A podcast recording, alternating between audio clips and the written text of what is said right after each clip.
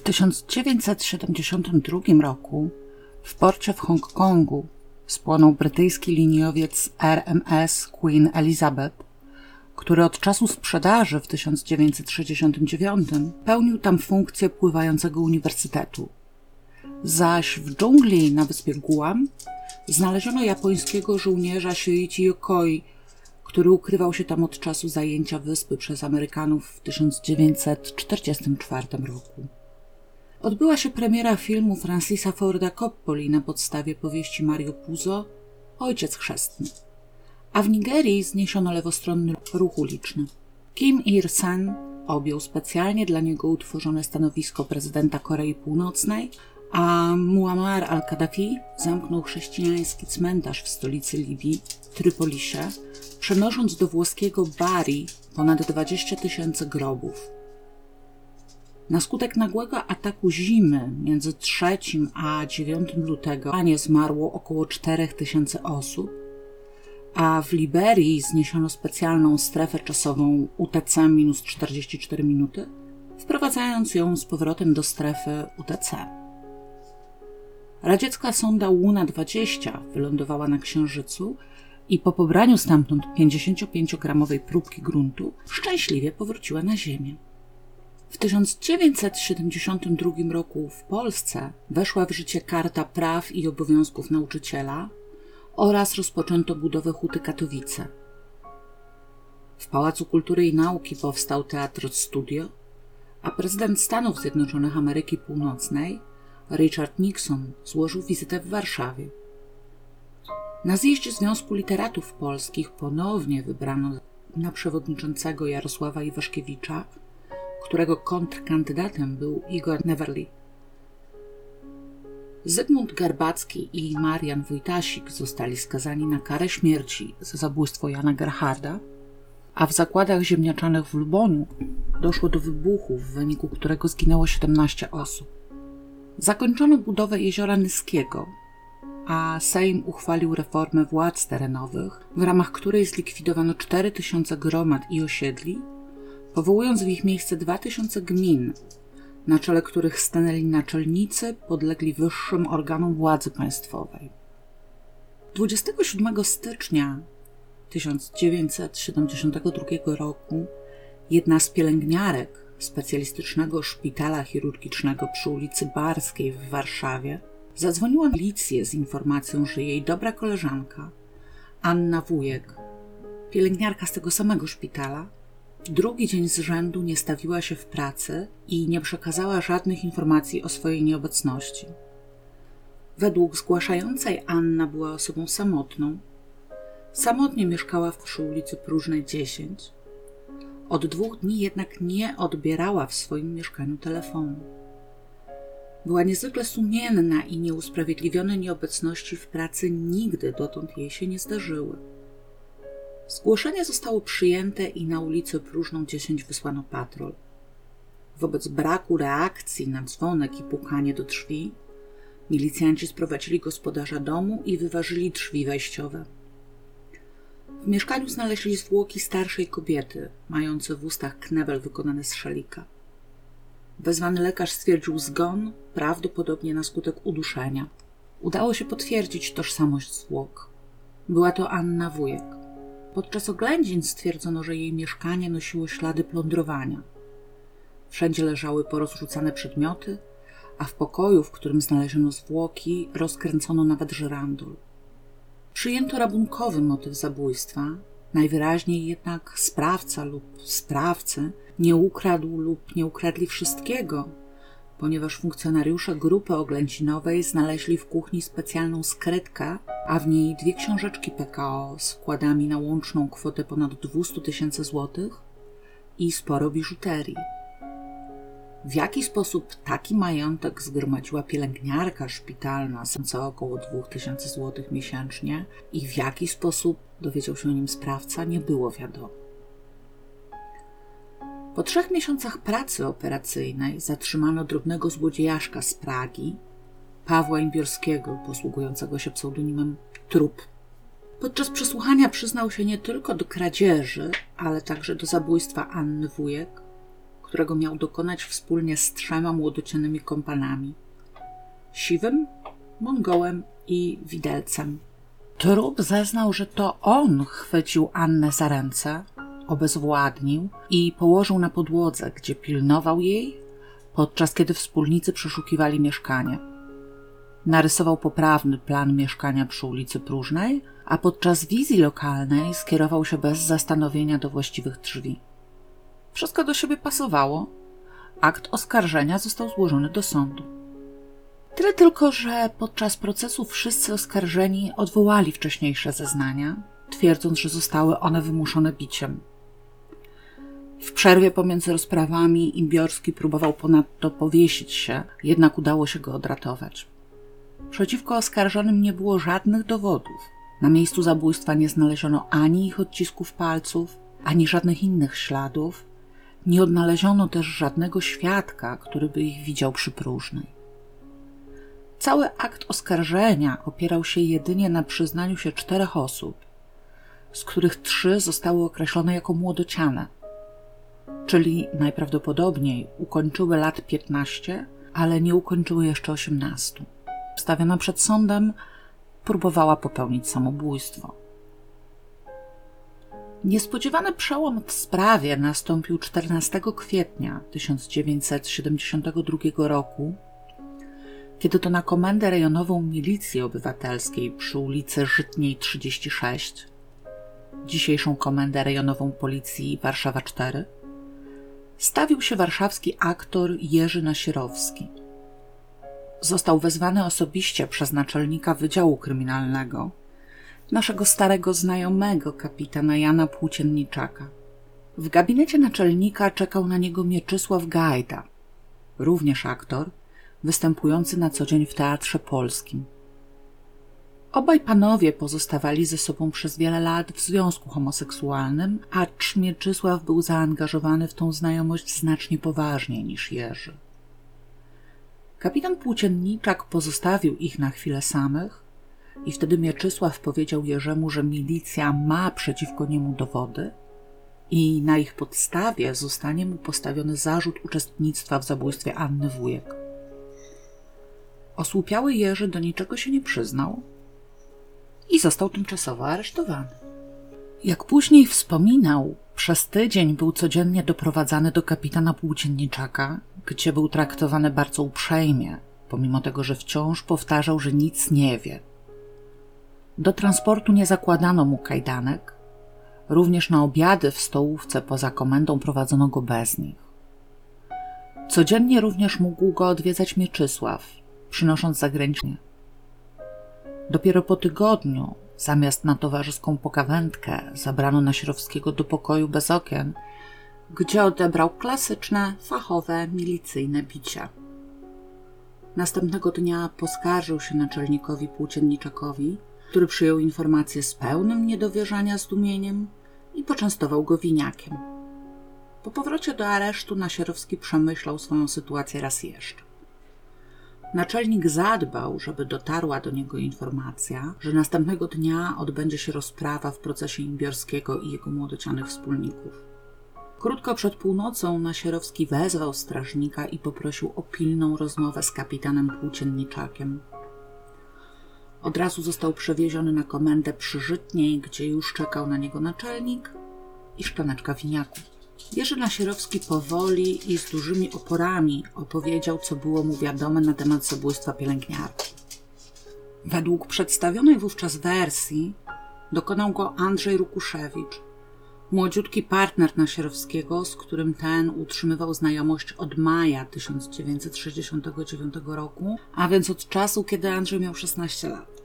Andrzej miał być, według niepotwierdzonego źródła, spokrewniony z pierwotnie oskarżonym Pawłem Imbiorskim i próbował odsunąć od siebie podejrzenia anonimowo, donosząc na Pawła.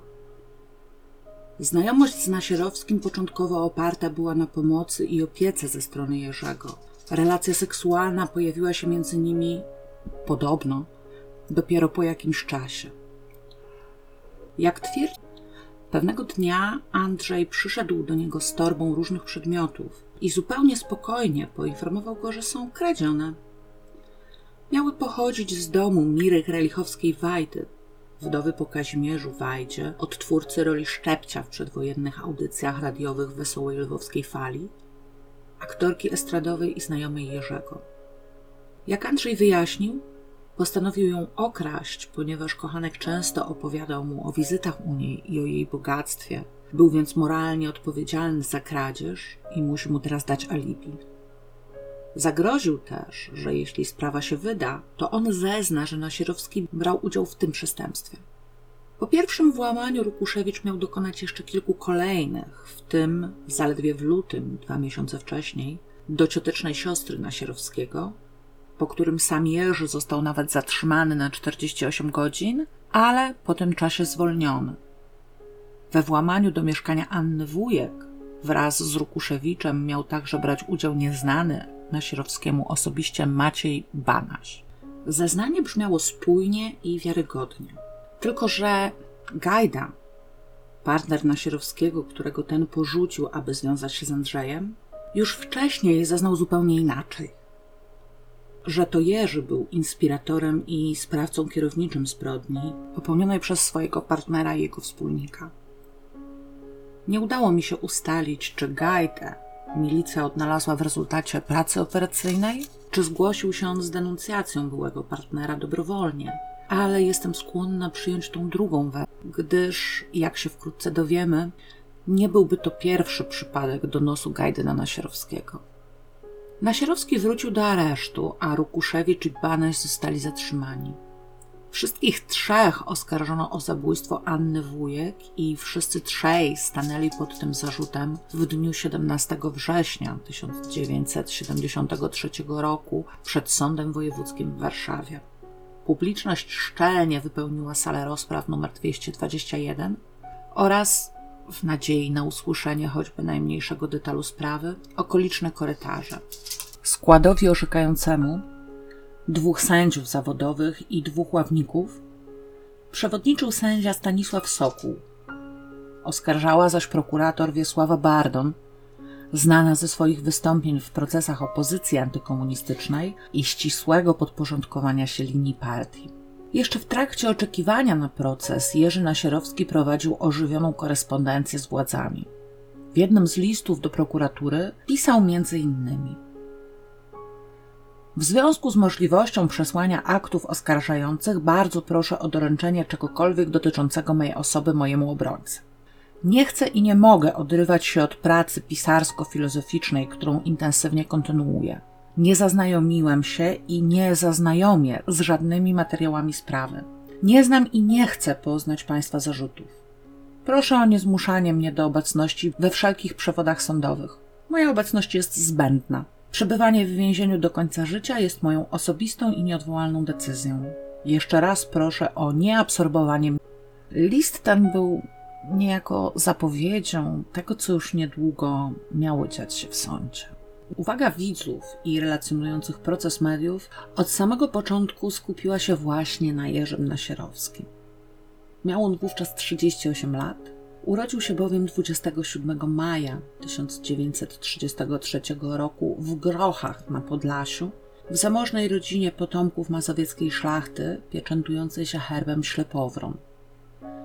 Jego kuzynką była znana już wówczas fotograf Zofia Nasierowska, żona reżysera Janusza Majewskiego. We wczesnym dzieciństwie wraz z rodzicami Jerzy przeniósł się do stolicy i tu pobierał edukację – Uczęszczał m.in. do szóstego liceum ogólnokształcącego imienia Tadeusza Rejtana, do którego kilkadziesiąt lat później i mnie się zdarzyło uczęszczać przez burzliwe trzy lata. W 1957 roku ukończył Państwową Wyższą Szkołę Teatralną, obecną Akademię Teatralną w Warszawie. Spektaklem dyplomowym jego roku było Jak Wam się podoba, na podstawie komedii Williama Shakespeare'a, którym Nasierowski na zmianę z kolegą wystąpił w dwóch rolach Lebo i Oliwiera. Po studiach otrzymał stały etat w Teatrze Powszechnym w Warszawie, ale jednocześnie zaczął występować zarówno w bardzo popularnym wówczas teatrze telewizji, jak i kinie. Zadebiutował w filmie Jerzego Passendorfera Zamach, będącym rekonstrukcją zamachu na kata Warszawy Franca Kuczera. W teatrze telewizji zagrał łącznie w 14. W 60 roku przeniósł się z Teatru Powszechnego do Teatru Narodowego w Warszawie, a w 1962 do Teatru Komedia. Jednocześnie wciąż grał w filmach kinowych, między innymi główną rolę w Godzinie Pąsowej Róży u boku Elżbiety Czyżewskiej oraz w krótkometrażowym Błękitnym Pokoju, gdzie partnerował Poliraksie. W produkcjach telewizyjnych zagrał epizod w serialu Stawka Większa niż Życie oraz w Teatrze Polskiego Radia. Dobrze zapowiadająca się kariera znienacka jednak wyhamowała, ponieważ po zakończeniu w 1964 roku umowy z Teatrem Komedia nie powrócił już na scenę, a na początku lat 70. udzielał się wyłącznie w radiu. Aż do dnia rozpoczęcia procesu. Ten bowiem stać się miał jego największą rolą. Masierowskiemu postawiono w sumie 12 zarzutów: kradzieże, kradzieże z włamaniem, oszustwa, handel walutą oraz sprawstwo kierownicze zabójstwa. Na kilkukrotnie powtórzone pytanie, czy przyznaje się do winy, nie zareagował. Sędzia Sokół polecił konwojującym milicjantom podnieść oskarżonego, na co ten zareagował zamknięciem oczu. Później miał twierdzić, że nie słyszał, gdyż wepchnął sobie do uszu strzępki więziennej koszuli i zakleił chlebem. W trakcie kolejnej rozprawy ostentacyjnie wepchnął sobie do uszu kulki chleba zaraz po doprowadzeniu do ławy oskarżonych. Na ten widok jego obrońca, adwokat Jacek Wasile, momentalnie złożył wniosek o poddanie oskarżonego badaniu psychiatrycznemu. Sąd do wniosku się przychylił. I tu uwaga, przytrzymajcie mózgi. Po trwającej dwie godziny, pozwólcie, że powtórzę, dwie godziny obserwacji biegli psychiatrzy orzekli, że Jerzy Nasierowski może uczestniczyć w procesie, gdyż zarówno podczas popełniania zarzucanych czynów, jak i w chwili procesu był poczytalnym. Jerzy miał jednak na ten temat odmienne zdanie. Wciąż mamrotał sam do siebie, czasem coś pokrzykiwał, a kolejnego dnia procesu połamał krzesło, na którym siedział i na zarządzenie sędziego został skrępowany kaftanem bezpieczeństwa. W kolejnym dniu po wejściu na salę zdjął buty, skarpetki i zaczął rozpinać spodnie. Sędzia polecił usunąć go z sali. Obrońca, mecenas Wasilewski, ponownie wniósł o psychiatryczne badanie swojego klienta i lekarze ponownie orzekli, że zachowanie Nasierowskiego jest jedynie reakcją obronną, a nie symptomem choroby. Po latach Udzielając wywiadu dla Newsweek Historia, Nasierowski wyjaśnił, że przyczyną jego zachowania był fakt, że nie mógł znieść głośnych komentarzy padających pod jego adresem z sali, żeby aktor bandytą i powiesić ich. Było mu po prostu wstyd. W odróżnieniu od niego Andrzej Rukuszewicz i Maciej Banaś z pełną powagą brali udział we własnym procesie. Rukuszewicz Syn nauki, którego śmierć we wczesnym dzieciństwie chłopca była jedną z przyczyn jego późniejszych problemów, wyjaśnił, że wspólnie z Nasierowskim dokonali wielu włamań do mieszkań jego znajomych i handlowali walutą. Odmówił natomiast wyjaśnień na temat zabójstwa Anny Wujek i swojej w nim roli. Banaś, 27-letni elektromechanik pracujący jako stróż, mąż i ojciec dwójki dzieci, przez cały czas popłakiwał – Przyznał się do rabunku z mieszkania przypróżnej, ale zaprzeczył, jakoby on i Andrzej działali z zamiarem zabójstwa. Przyznał też, że wiedział o tym, że Rukuszewicz planuje ucieczkę za granicę. Po usunięciu z sali rozpraw Nasierowski został kolejnego dnia ponownie doprowadzony na ławę oskarżonych, gdzie uspokoił się i siedział zupełnie obojętnie, udając, że nie obchodzi go, co się dzieje wokół. A tymczasem wokół niego zeznawali świadkowie, których sąd powołał w sumie 82. Jako pierwsze miejsce dla świadków zajął Mieczysław Gajda. Początkowo próbował odmówić składania zeznań wobec faktu, że przed Sądem Najwyższym toczył się jego proces o kradzież pieniędzy z kasy Teatru Polskiego oraz kilka innych kradzieży popełnionych wspólnie z Nasierowskim i uważał, że nie może zeznawać przeciwko wspólnikowi. Sędzia jednak wyjaśnił, że przepis ten odnosi się tylko do przestępstw popełnionych wspólnie i w porozumieniu. Tak więc, skoro w przestępstwach objętych obecnym aktem oskarżenia Gajda nie uczestniczył i zna je tylko z relacji Nasierowskiego, zeznawać musi. Z uwagi jednak relacji obu mężczyzn, sąd zdecydował się jego zeznań wysłuchać przy drzwiach zamkniętych. Mieczysław Gajda urodził się w Warszawie 13 czerwca 1931 roku. Był więc o dwa lata starszy od Nasierowskiego. Również był absolwentem PWST, aktorem teatrów ludowego i polskiego, znanym szerszej publiczności z filmu Awantura o Basie, ale przede wszystkim z aktorstwa głosowego.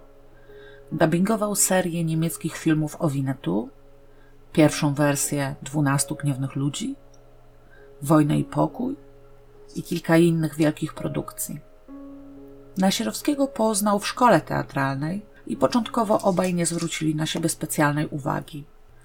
Dopiero kiedy w 1958 roku przypadkowo usiedli obok siebie w kinie i w kinowych ciemnościach dotknęli swoich dłoni, wybuchł pomiędzy nimi płomienny romans. Nasierowski, otwarcie homoseksualny, natychmiast zakończył swój dotychczasowy związek z innym, kilka lat starszym aktorem.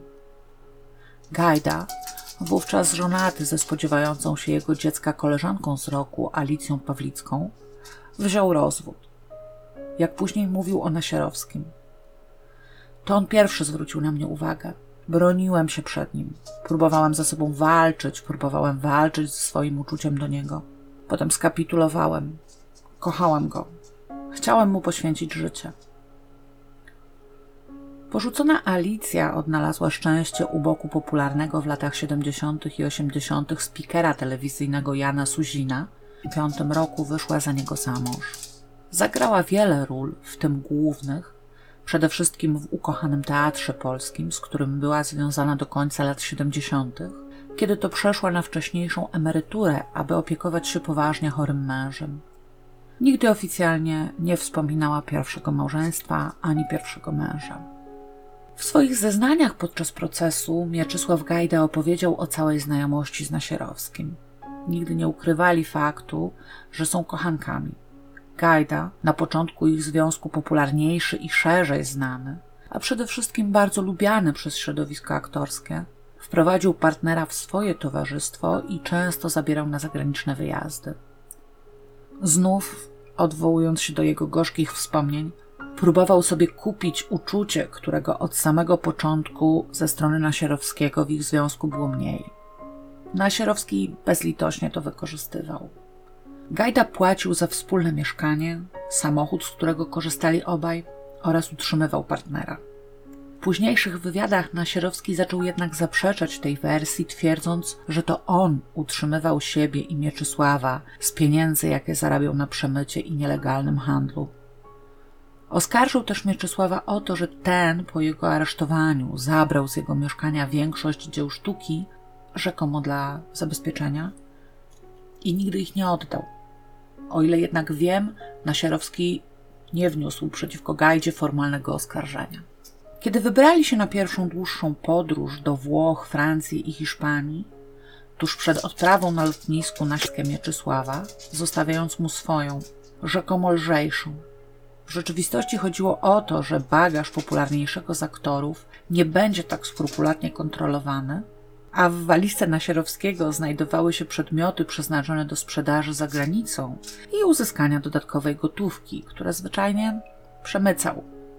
Do przemytu przyznał się partnerowi zaraz po przybyciu na miejsce, śmiejąc się głośno i uważając, że nic się przecież nie stało. Za granicą za to kradł w sklepach. Skarpetki, dżinsy, spodnie z zamszu, aparat fotograficzny. Kiedyś zabrał z hotelu aparat telefoniczny, który zupełnie spokojnie zamontował w swoim mieszkaniu przy ulicy Nowy Świat. Kiedy indziej z restauracji, w której jadł z Mieczysławem obiad, wyniósł popielniczkę. Wiele lat później tłumaczył się tak. Po prostu chodzi o to, że wysoka inteligencja sama, kojarząc wiele danych, widzi więcej różnych możliwości, więc dlaczego z nich nie skorzystać? Ja zawsze miałam mnóstwo pieniędzy. Byłem bogaty z domu.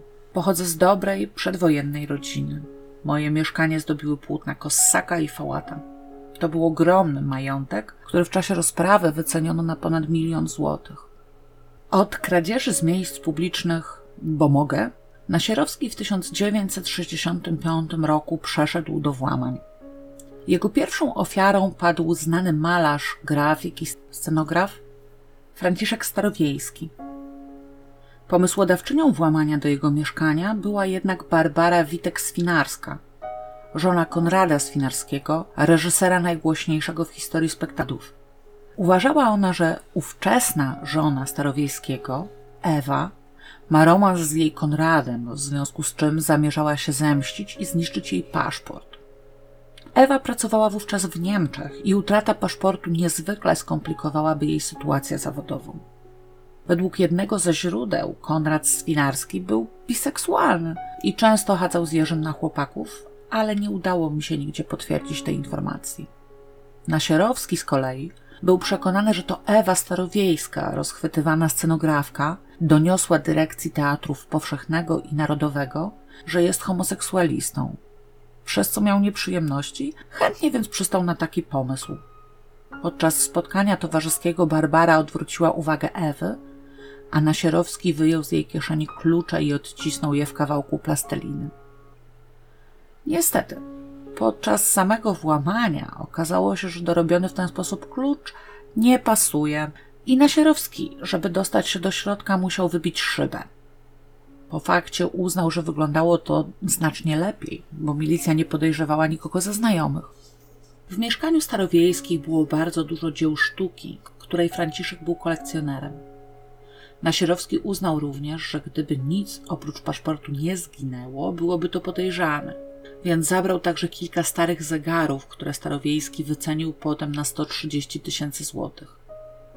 Zostały one przemycone do Londynu z pomocą funkcjonariuszki służby celnej z lotniska Warszawa Okęcie imieniem Danuta, prywatnie znajomej Mieczysława Gajdy i sprzedane w aukcyjnym Sotheby's za 600 funtów.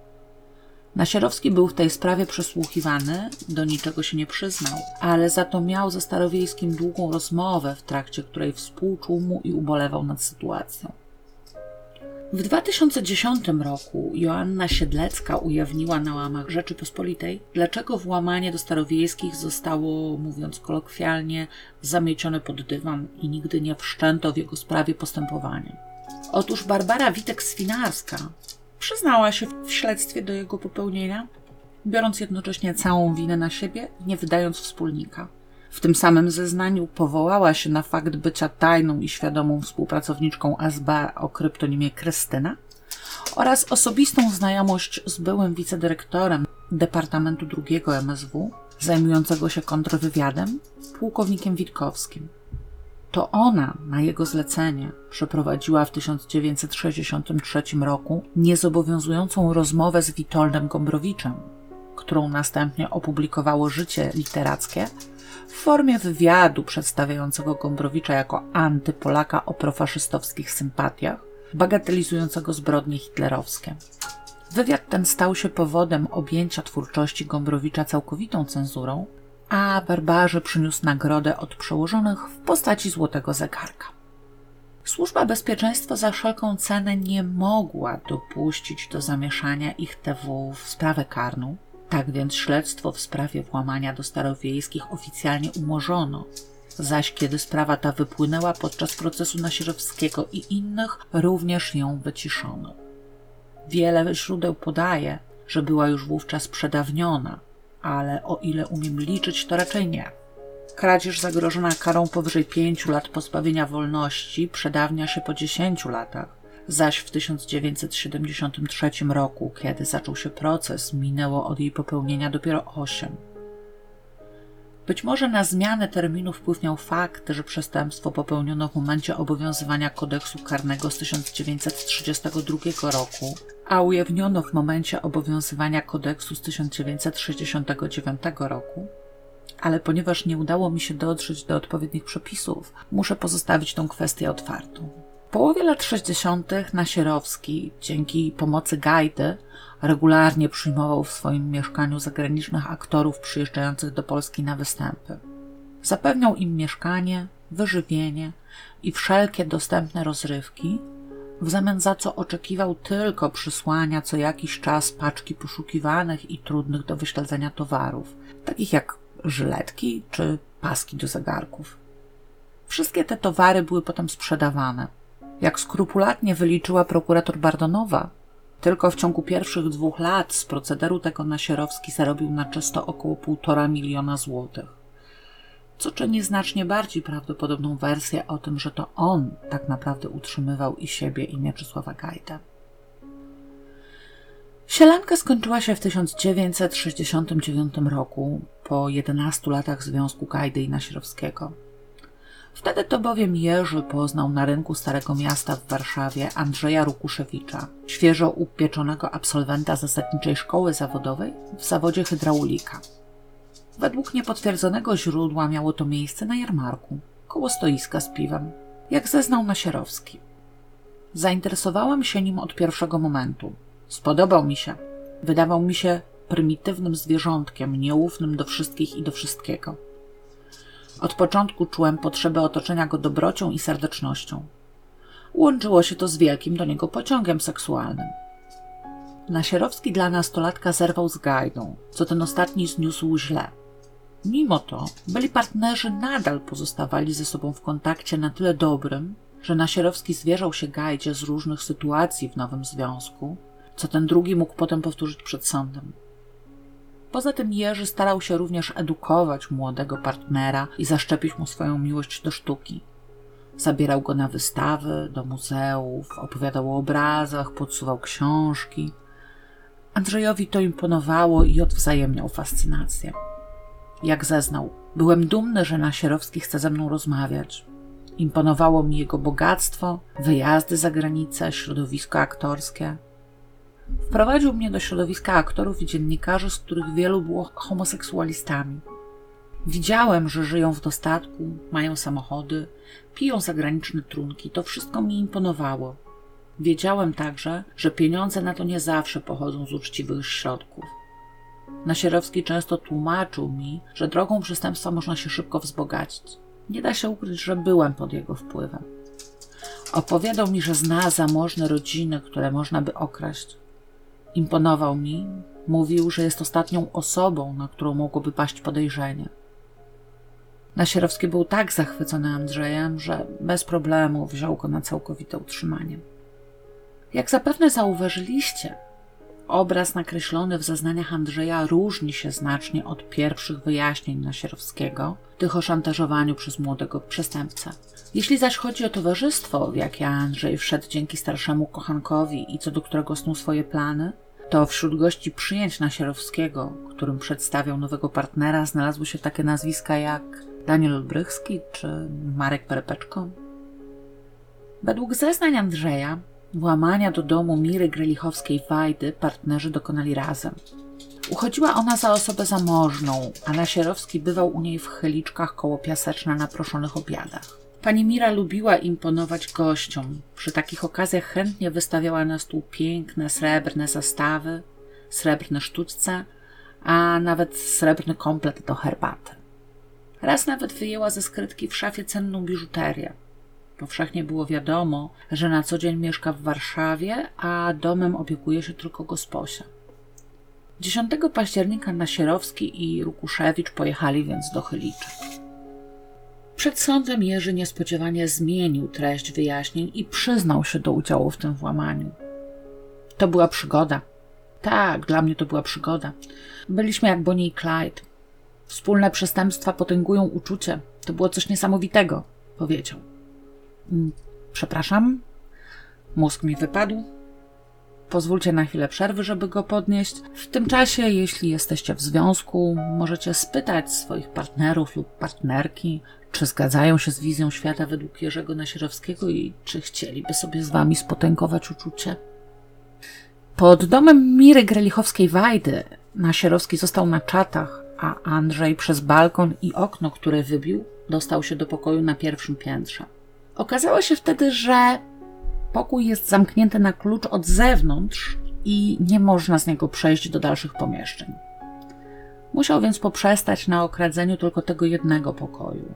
Zabrał ikonę, kilka srebrnych bibelotów i kryształów i uciekł tą samą drogą, którą wszedł. Dwa tygodnie później nasi Bonnie i Clyde planowali już kolejne włamanie, tym razem do domu Stanisława K., zaprzyjaźnionego urzędnika, o którym wiedzieli, że niedawno sprzedał samochód, będzie więc dysponował większą kwotą w gotówce. Nasierowski zaprosił Stanisława do swojego dwupoziomowego mieszkania przy Nowym Świecie. Podczas kiedy zabawiał gościa na piętrze, w całym lokalu zgasło światło. To Andrzej wykręcił bezpiecznik ze skrzynki na klatce schodowej. Nasierowski zszedł na dół, mówiąc Stanisławowi, że musi zobaczyć, co się stało i żeby ten na niego zaczekał. Wpuścił po cichutku Andrzeja, który wyciągnął klucze Stanisława z kieszeni jego płaszcza i odcisnął w plastelinię, po czym równie cichutko uciekł. Nasierowski w tym samym czasie głośno naprawiał bezpiecznik. Niestety, panowie włamywacze po raz kolejny mieli pecha i zrobiony na podstawie odcisku klucz nie pasował. Powtórzyli więc operację odciśnięcia klucza. Nie udało mi się znaleźć informacji, czy także operację wykręcania bezpiecznika. Drugi klucz już pasował. Tylko, że w czasie pomiędzy sprzedażą samochodu a skutecznym włamaniem Stanisław zdążył wpłacić uzyskane ze sprzedaży 100 tysięcy złotych na książeczkę PKO. Niezrażeni tym partnerzy ukradli chociaż kożuch, czapkę z karakułów, kilka ubrań i radio tranzystorowe. Nasierowski oddał kożuch do przefarbowania i często go nosił. Czapkę wziął Andrzej. Nasierowski uparcie powtarzał, że choć włamanie do Stanisława sprawiło, że chciał więcej, to jednak nie kradł dla pieniędzy, a jedynie dla emocji. No i dlatego, że wspólne przestępstwo łączy, pamiętajcie. 3 stycznia 1970 roku panowie wrócili razem do Chyliczek, do willi pani Miry. O powtórzeniu skoku na już raz okradzioną lokację zdecydował fakt, że Nasierowski skądś dowiedział się, że tego wieczora w domu nie zostaną zamknięte okiennice. Tak też było. Andrzej wszedł na parapet parterowego okna i wybił w nim szybę. Pech obu włamywaczy działał jednak dalej. Hałas obudził gospodynię pani Miry, która przyszła sprawdzić, co się stało. Andrzej przyskoczył do niej i uderzył kilka razy pięścią w głowę, a następnie związał jej ręce i położył na brzuchu twarzą do podłogi. Dopiero wtedy zawołał Nasierowskiego i razem przeszukali cały dom. Zabrali wiele drobnych, cennych przedmiotów, między innymi srebrną zastawę do herbaty, której Nasierowski od zawsze zazdrościł gospodyni. Oprócz tego srebrne przybory toaletowe, nakrycia stołowe, złote monety, biżuterię i zegarki. Wyszli przez drzwi, zostawiając skrępowaną gosposię na podłodze i zamykając za sobą drzwi, do których klucz rzucili potem w głąb ogrodu. Niosąc na zmianę dużą torbę podróżną wypchaną łupami, wrócili do Warszawy autobusem PKS. Nasierowski stwierdził przed sądem, że martwił się o stan zdrowia gospodyni pani Miry do tego stopnia, że następnego dnia zadzwonił anonimowo na milicję i dopiero kiedy dowiedział się, że nic jej się nie stało, odetchnął. Złote monety od razu sprzedał za 50 tysięcy złotych. Srebrną zastawę, oczywiście nie wiedząc o jej pochodzeniu z przestępstwa, wywiózł do Nowego Jorku jego przyjaciel, korespondent telewizji polskiej. Pozostałą część łupów wspólnicy schowali, zaś to, co zostało im jeszcze z pierwszego włamania, przyjaciółka Nasierowskiego wywiozła do Londynu i tam sprzedała. Nasierowski zatrzymał sobie jedynie zegarek z imitacją diamencików.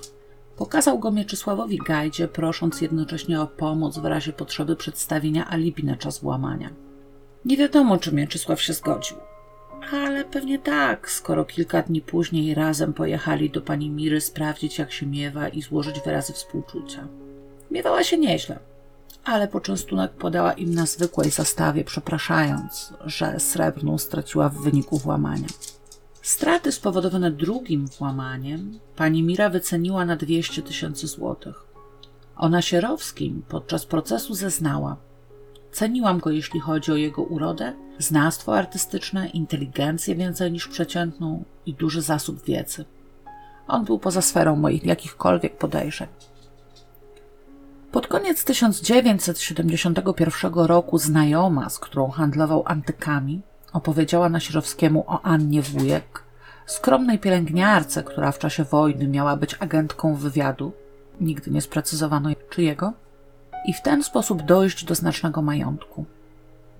Naiwna kobieta uczciwie odpowiedziała na wszystkie kolejne pytania Nasierowskiego.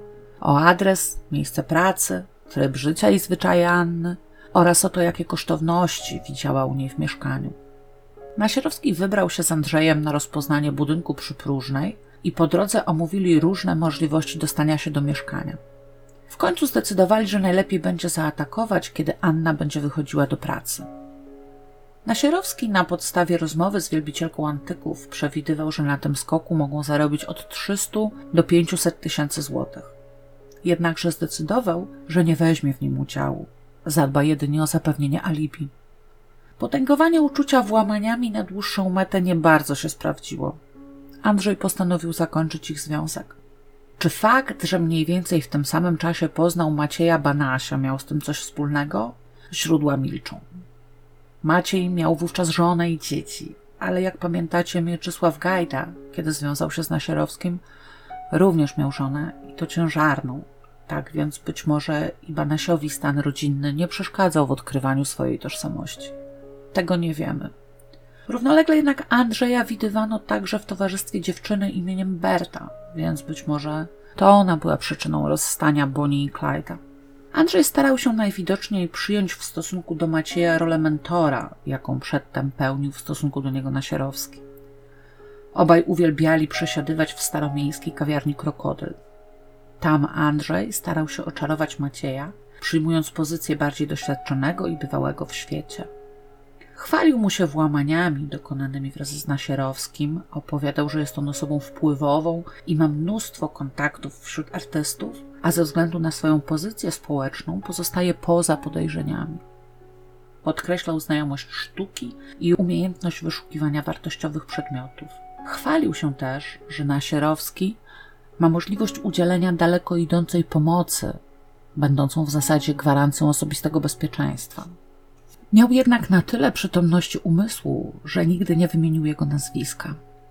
Karmiony takimi opowieściami Maciej był pod ich wyraźnym wrażeniem i zgodził się zostać wspólnikiem Andrzeja przy następnym włamaniu. Pomimo tego, że był starszy o prawie 10 lat, podporządkował mu się całkowicie. W tym samym czasie porzucony Nasierowski starał się wyjść z sytuacji z twarzą, powracając do roli wyłącznie mentora i opiekuna Andrzeja. Zbliżył się za to ponownie do swojego byłego partnera, Mieczysława, i często skarżył mu się na gorycz porzucenia. Jak porzucony Mieczysław się do tego odnosił, historia milczy. Przed sądem udało się odtworzyć następujący przebieg wydarzeń, które doprowadziły do śmierci Anny Wujek. 25 stycznia 1972 roku, około godziny 10 rano, Andrzej Rukuszewicz i Maciej Banaś spotkali się w barze kawowym Piotruś przy ulicy Nowy Świat, skąd piechoty na ulicę Próżną. Starając się poruszać cicho, wślizgnęli się na klatkę schodową i nic nie mówiąc przysiedli na schodach, tuż przy drzwiach mieszkania na trzecim piętrze. Zapewne chodziło o to, aby nie byli widoczni przez wizjery w drzwiach. W milczeniu nasłuchiwali. Wreszcie Około dwunastej usłyszeli kroki z wnętrza mieszkania, więc zerwali się szybko i, nadal cicho, stanęli po obu stronach drzwi. Rozległ się odgłos zwalnianego zamka i w drzwiach stanęła starsza kobieta, trzymając w ręku wiaderko ze śmieciami. Maciej popchnął ją w głąb mieszkania, przewracając na podłogę. Andrzej wszedł za nimi i cicho zamknął drzwi, żeby hałas nie rozszedł się po klatce schodowej. Ponieważ Maciej wciąż starał się obezwładnić kobietę, Andrzej schylił się i dwukrotnie uderzył ją pięścią w głowę, podobnie jak wcześniej gospodynia pani Miry w chyliczkach. Ofiara straciła przytomność, ale obawiając się, żeby jej nie odzyskała, Andrzej wyciągnął z kieszeni gruszkę do aplikacji chloroformu i wstrzyknął jej trochę do nosa, a potem jeszcze dla pewności zakneblował ją szalikiem. Wspólnicy przenieśli bezwładną Annę wujek do pokoju i przystąpili do przeszukiwania mieszkania. Robili to systematycznie. Pod bielizną, w szafach, pod szufladami, w tapczanie, za meblami. Kuchni wysypali z pojemników mąkę i kaszę, zajrzeli do zamrażalnika i pod zlew, a ze znalezionej półlitrówki jarzębiaku napili się dla kurażu. W pokoju rozkręcili duży żyrandol, a w łazience pokroili na plasterki kostkę szarego mydła. trwało dwóch godzin, w czasie których Anna co jakiś czas zaczynała się poruszać lub coś mamrotać, a Andrzej podchodził i podawał jej kolejną dawkę chloroformu. W końcu sprawcy przestraszyli się, że przy okazji też mogą się nawdychać oparów i założyli maseczki chirurgiczne. Niestety, ani staranne przeszukanie, ani zabezpieczenie się maseczkami nie pomogło. Nie znaleźli żadnych kosztowności. Zabrali jedynie kilka sztuk biżuterii i 200 zł w bilonie z portmonetki ofiary. W pewnym momencie zadzwonił telefon, więc Maciej przyskoczył do niego i wyrwał z gniazdka kabel. Spojrzeli na siebie i obaj uznali, że to koniec. Maciej zabrał jarzębiak, a Andrzej ściągnął z ręki Anny szwajcarski zegarek marki Delbana. Zdejmując go, nie wyczuł już pulsu. Równie cicho jak weszli, wyszli z mieszkania, zatrzaskując ze sobą drzwi. Jeśli chodzi o przebieg wydarzeń po zabójstwie, przed sądem pojawiły się dwie wersje. Według Andrzeja wyszli z mieszkania, kupili tanie wino i spokojnie poszli piechotą nad Wisłę, gdzie utopili rękawiczki, maski, które nosili, kapelusz Macieja i gruszka z resztką chloroformu. Pechowo zatyczka tej gruszki pozostała w kieszeni Macieja i tam została znaleziona podczas rewizji w jego mieszkaniu. Według Nasierowskiego sprawcy pobiegli do krokodyla, skąd Andrzej do niego zadzwonił i poprosił o spotkanie na rynku. Tam, wyraźnie wstrząśnięty, powiedział, że chyba zabił człowieka. Nasierowski dał mu tysiąc złotych i kazał zabrać Macieja i wypić z nim jakiś alkohol, i doszli do siebie. Według zeznań Andrzeja Nasierowski miał do niego pretensje, że nie odnaleźli skrytki w mieszkaniu Anny i nie zabrali zdeponowanych w niej najcenniejszych przedmiotów. O skrytce dowiedział się z prasy i uważał, że gdyby był na miejscu, znalazłby ją. Żeby się pocieszyć, zaczął snuć plany okradzenia własnego brata stryjecznego, który był właścicielem małej rzeźby Augusta Rodin, kolekcjonera sztuki Tadeusza Wierzejskiego oraz słynnego pianisty Adama Harasiewicza. W mieszkaniu Nasierowskiego zabezpieczono osiem kompletów kluczy z opisami mieszkań, do których zostały dorobione. Dorabiał je stale z nim współpracujący ślusarz Bogusław M., który nawet nie tyle domyślał się, do czego służą, w końcu nie co dzień dorabia się klucze z odcisków w plastelinie, co wiedział o tym doskonale od samego Nasierowskiego, który bez skrępowania chwalił mu się, kogo zamierza okraść. Za dorobienie jednego klucza pan Bogusław liczył sobie 1800 złotych. Jeszcze w 1971 roku Nasierowski tym razem bez pomocy Andrzeja, okradł duńskiego aktora, którego przyjął na kilka noclegów na prośbę znajomej. Kiedy pierwszej nocy w jego mieszkaniu Duńczyk położył się spać, Nasierowski wraz z goszczącym u niego tego wieczora Mieczysławem zeszli do jego samochodu. Mieczysław, jak zeznał, tylko obserwował z oburzeniem, jak Nasierowski włamuje się do auta. Z auta owego zabrał magnetofon Philipsa latarkę i płaszcz, który podarował Mieczysławowi, a ten, pomimo oburzenia, przyjął. Odchodzono. Następnego dnia towarzyszył wstrząśniętemu Duńczykowi z wizytą na najbliższym komisariacie milicji, gdzie pełnił rolę tłumacza. Milicjanci przyjęli zgłoszenie kradzieży, ale uznawszy, że jeśli ktoś zostawia w samochodzie uchylone okno, sam jest sobie winien, umorzyli postępowanie. Bezpośrednio po zabójstwie Anny Wujek w lutym 1972 roku Nasierowski zdobył klucze do mieszkania swojej ciotecznej siostry. O współudział we włamaniu ponownie poprosił Andrzeja, na co ten oczywiście się zgodził. Zabrali złoto i sporo towarów, które zostały niedawno przywiezione z zagranicy na nielegalny handel. Wśród nich innymi plastikowe reklamówki, które na początku lat 70. były prawdziwym hitem i synonimem luksusu. Wspólnicy postanowili wyjechać do Zakopanego, gdzie Andrzej sprzedał reklamówki wprost z ręki. Oprócz toreb sprzedali na krupówkach jeszcze buty, sweter i pocztówki dźwiękowe, czyli prawdziwe kartki pocztowe zalaminowane cienką warstwą sztucznego tworzywa, w którym wytłoczono rowki przynoszące dźwięk jednego, maksymalnie dwóch utworów. Po drodze pozostawili na sprzedaż w Katowicach kilka sztuk materiału, a w Sośnicy spodnie dżinsowe. Gdy wrócili 21 lutego do Warszawy, w mieszkaniu Nasierowskiego czekała na niego milicja. to Mieczysław Gajda doniósł władzom, kto stał za włamaniem, próbując za wszelką cenę zawrócić dawnego ukochanego ze sprzecznej z prawem drogi, która wydawała się już dominować jego zawodowy dorobek. Nasierowski wyjaśnił, że z włamaniem nie miał nic wspólnego. Jedynie tamtego dnia pożyczył kluczyki do swojego samochodu Andrzejowi, lecz nie wie, gdzie ten nim jeździł. W obecności milicjantów zadzwonił do Andrzeja i umówił się z nim na spotkanie w kawiarni Kamienne Schodki, gdzie Andrzej został zatrzymany przez eskortujących Nasierowskiego funkcjonariuszy. O dziwo potwierdził wersję partnera. Obaj zostali zatrzymani, ale Nasierowski tylko na 48 godzin, a zwolnienie Andrzeja udało się uzyskać po około dwóch tygodniach. Dopiero podczas procesu o zabójstwo Anny Wujek Andrzej przyznał, że miał z Nasierowskim umowę zakładającą, że w razie wpadki to Andrzej bierze na siebie całą winę, a Nasierowski dokłada wszelkich starań, aby go jak najszybciej oczyścić z zarzutów. Jak już wiemy, była to kolejna rzecz, która nie bardzo im wyszła. Podczas procesu Nasierowski napisał do Andrzeja Gryps, który przy próbie przekazania został przechwycony przez konwojujących ich z aresztu funkcjonariuszy i następnego dnia odczytany przez prokurator Bardonową podczas rozprawy. Mój drogi, przedstawiam Ci dwie koncepcje. Pierwsza. Zmieniasz zeznania i wracasz do tych, gdzie ja nie byłem u Miry ani u Marka. U Anny byłeś sam, lekko sugerując, że z kimś, jak też u Marii. Stwierdzisz, że wszyscy w więzieniu wiedzą, że jestem chory, ty wiesz o tym od początku naszej znajomości. Przebieg, dziwne oczy, utrata równowagi, potem wzmożone nerwowe mówienie. Powinieneś powiedzieć, że ja jestem chory, że nieraz goniłeś mnie po schodach, że alkohol zawsze na mnie źle działał. Chodziłem po mieszkaniu, z kimś rozmawiałem, czasem w nocy wsiadałem w samochód i gdzieś jechałem, potem nie pamiętałem nic. Druga. Bierzesz wszystko na siebie. Dostajesz najpierw po wyroku wstrząsu mózgu, potem chorujesz na schizofrenię.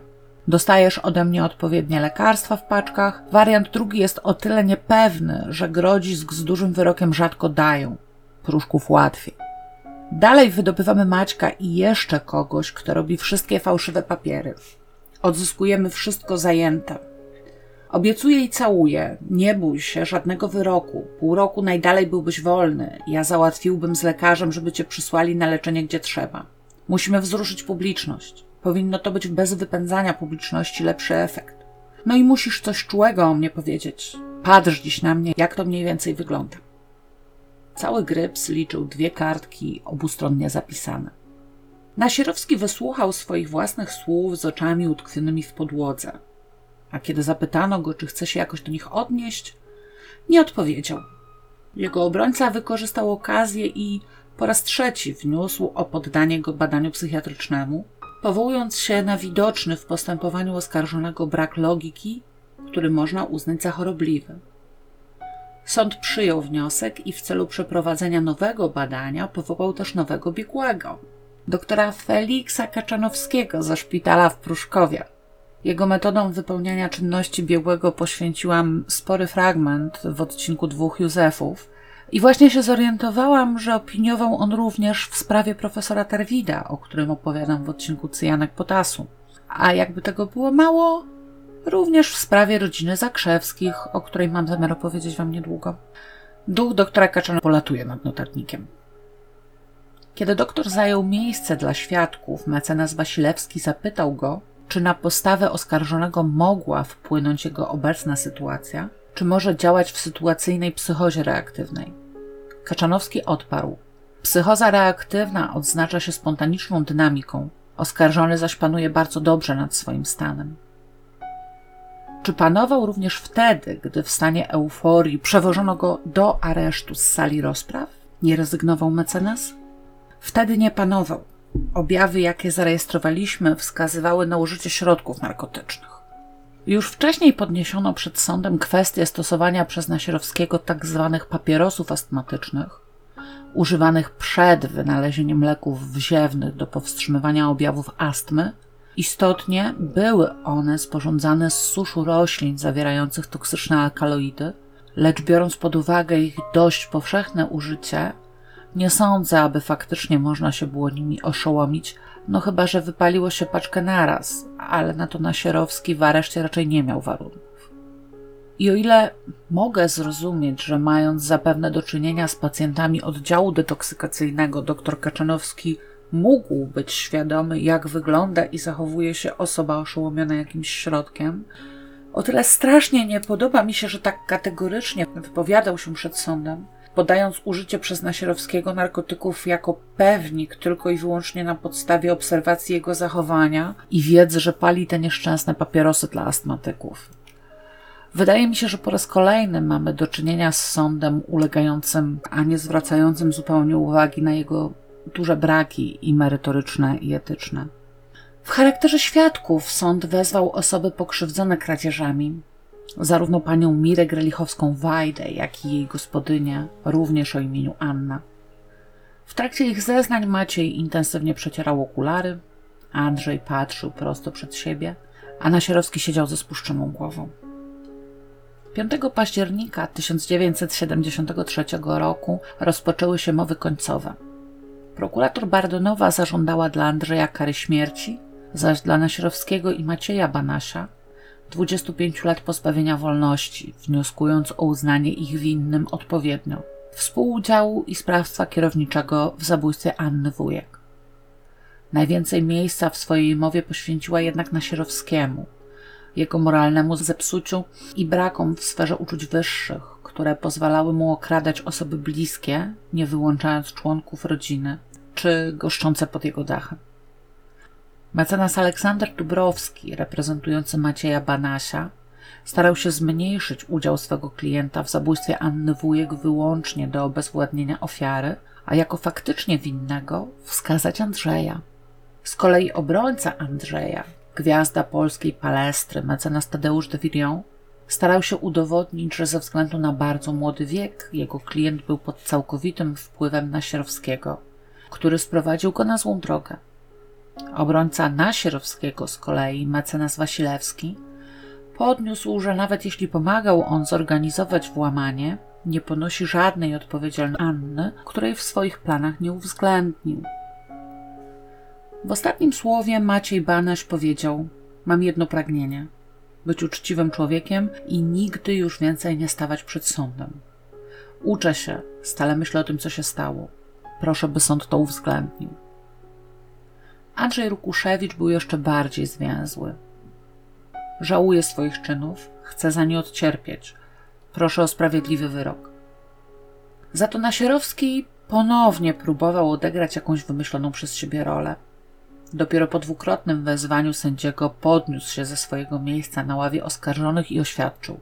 Każdy wyrok będę uważał za słuszny, łączy się to bowiem z moją osobistą intencją. Każdy wyrok będzie słuszny w kontekście przewodu sądowego, którego zresztą nie słyszałem, bo tak sobie założyłem. Miałem cały czas środki uszczelniające w uszach. Potem mówił jeszcze przez pół godziny. Podkreślał, że mógłby zaprzeczyć niejednemu, co zostało powiedziane, ale postanowił odnieść się do tego w formie pisemnej, co wymaga czasu i uwagi. Stwierdził, że gdy usłyszał wymiar kary wnioskowany przez prokuraturę, był to najszczęśliwszy dzień w jego życiu. Był przekonany, że poddając się karze, uzyska przebaczenie Andrzeja i Mieczysława, którym wyrządził ogromną krzywdę. Na koniec oświadczył: Mam się za człowieka niewątpliwie niezwykłego i genialnego, oraz zaapelował do sądu o zrozumienie, bo zrozumienie jest nam wszystkim jako ludziom potrzebne. Sąd skazał Macieja Banasia na 15 lat pozbawienia wolności, a Andrzeja Rukuszewicza i Jerzego Nasirowskiego 5 lat pozbawienia wolności. Wszystkim oskarżonym wymierzono też karę grzywny. Nasirowskiemu w kwocie 450 tysięcy złotych. Nasierowski od razu rozpoczął walkę o skrócenie kary złożył lub złożono w jego imieniu apelację, rewizję, a w końcu nawet wniosek o kasację wyroku. Jednak żadna z tych procedur nie zakończyła się dla niego pomyślnie. Jednocześnie jeszcze w trakcie procesu zaczął zapisywać swoje przeżycia. Pisał odręcznie, w kolejnych zaszytach, które przekazywał rodzinie. Po jakimś czasie rękopis zatytułowany Zbrodnia i czyli bandycko-seksualne przypadki 36-letniego aktora i 16-letniego hydraulika na tle panoramy PRL, trafił do rąk reżysera Krzysztofa Zanussiego. Utrzymywał on z Nasierowskim koleżeńskie kontakty od czasu, kiedy ten zagrał w jego debiutanckim filmie Diabeł Kulawy. Zanussi przekazał rękopis Romanowi Bratnemu i pomimo jego początkowych oporów przed taką literaturą namówił jakoś do zapoznania się z prawie tysiącstronnicową treścią. Słynny pisarz został gorącym orędownikiem talentu literackiego więźnia. Niestety wydanie Zbrodni I okazało się niemożliwe z uwagi na wątek homoseksualny, który określono eufemistycznym mianem niepoprawności obyczajowej. W 1981 roku warszawski Teatr Powszechny, którego bratny był kierownikiem literackim, wystawił sztukę Nasierowskiego Tył do przodu, opublikowaną pod pseudonimem Jerzy Trąbicki. Sztuka wokół strajków robotniczych z 1976 roku, a w obsadzie znaleźli się m.in. Piotr Machalica, Gustaw Ludkiewicz i Krzysztof Majchrzak. Tył do przodu został przychylnie przyjęty zarówno przez publiczność, jak i krytyków, ale po raz ostatni wystawiono go 12 grudnia. Następnego dnia wprowadzono stan wojenny, a kiedy Teatr Powszechny wznowił działalność, wystawienie sztuki o tak silnych podtekstach politycznych nie było już możliwe. Bratny niezwykle zaangażował się w sprawy polepszenia warunków życiowych Nasierowskiego i zaczął słać w jego sprawie pisma, między innymi do ministra sprawiedliwości, profesora Sylwestra Zawadzkiego, apelując o stworzenie Nasierowskiemu możliwości pisania w więzieniu. Profesor dał się również porwać tej idei i wystąpił do przewodniczącego Rady Państwa Henryka Jabłońskiego o zastosowanie aktu łaski. We wniosku swoim powoływał się na fakt, że Nasierowski został skazany nie za sprawstwo bezpośrednie, a kierownicze oraz że praca pisarska, jaką wykonuje w więzieniu, jasno wskazuje na jego pełną resocjalizację. 28 lipca 1983 roku, po ponad 10 latach, Nasierowski wyszedł na wolność. Akt łaski Rada Państwa zastosowała także wobec jego współoskarżonych Andrzeja Rukuszewicza i Macieja Banasia. Na wolności Nasierowski nie odzyskał już majątku ani pozycji, jakie miał przed aresztowaniem. Musiał opuścić komfortowe dwupoziomowe mieszkanie na Nowym Świecie i przenieść się do przydziałowej klitki na Ochocie. Odebrano mu też majątek odziedziczony po przod. W 1951 roku udało mu się opublikować w wydawnictwie Czytelnik książkę Jasno-Zielono-Ciemno, będącą zbiorem wspomnień z jego młodości i lat studenckich. W 1988 roku nakładem wydawnictwa literackiego ukazała się jego Zbrodnia i skrócona po redakcji bratnego z prawie 1000 do 250 stron.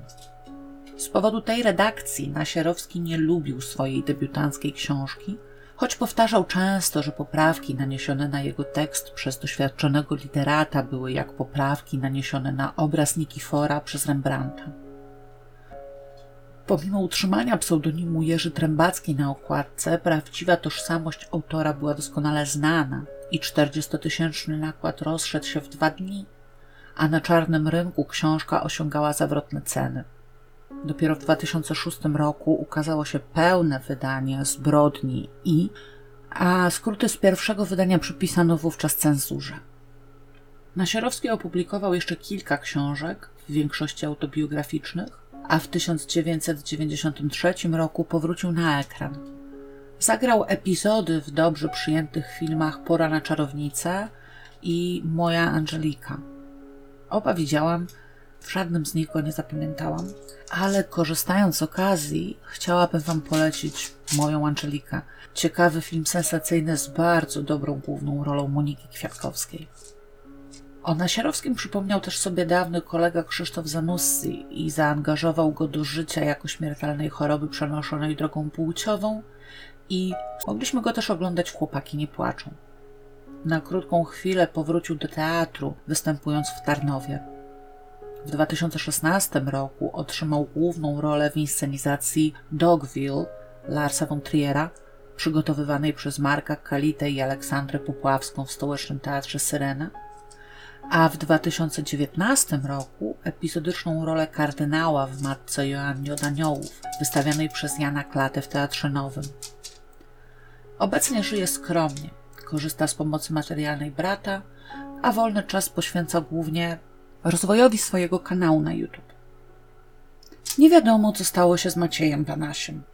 Po zakończeniu odbywania kary nie pojawiły się o nim żadne informacje. Andrzej Rukuszewicz wyjechał do Niemiec, założył rodzinę i otworzył niewielki, ale własny biznes. Mieczysław Gajda w swoim procesie został skazany na dwa lata pozbawienia wolności i 30 tysięcy złotych grzywny. Po wyjściu na wolność zrobił karierę w aktorstwie głosowym. Dubbingował m.in. Asterixa w animowanych 12 pracach Asterixa, Smerfa Ważniaka oraz kilka postaci w grze Baldur's Gate 2. Zmarł w 2017 roku i został pochowany na warszawskim cmentarzu brudnowskim. Pani Mira Grelichowska-Wajda zmarła w 1988 roku w swoim dwukrotnie okradzionym domu w Chyliczkach. Nic nie wiem o dalszych losach Pawła Imbierskiego i jego wspólników, pierwotnie oskarżonych o zabójstwo Anny Wujek. Mogę tylko przypuszczać, że postępowanie przeciwko nim umorzono. Zaś mecenas Jacek Wasilewski, obrońca Nasierowskiego w procesie przed sądem wojewódzkim, po przełomie ustrojowym okazał się tajnym i świadomym współpracownikiem służby bezpieczeństwa. Przykro mi, że nie mogłam Wam więcej opowiedzieć o samej Annie Wujek, o tym, czy faktycznie była agentką wywiadu i dlaczego, mając w domu kilkaset tysięcy złotych, pracowała jako pielęgniarka. Niewielkie pocieszenie znajduje w fakcie, że jej zabójca chyba naprawdę zrozumiał, że wyrządził zło i po opuszczeniu więzienia wiódł życie znacznie lepsze niż to, z jakiego do więzienia trafił.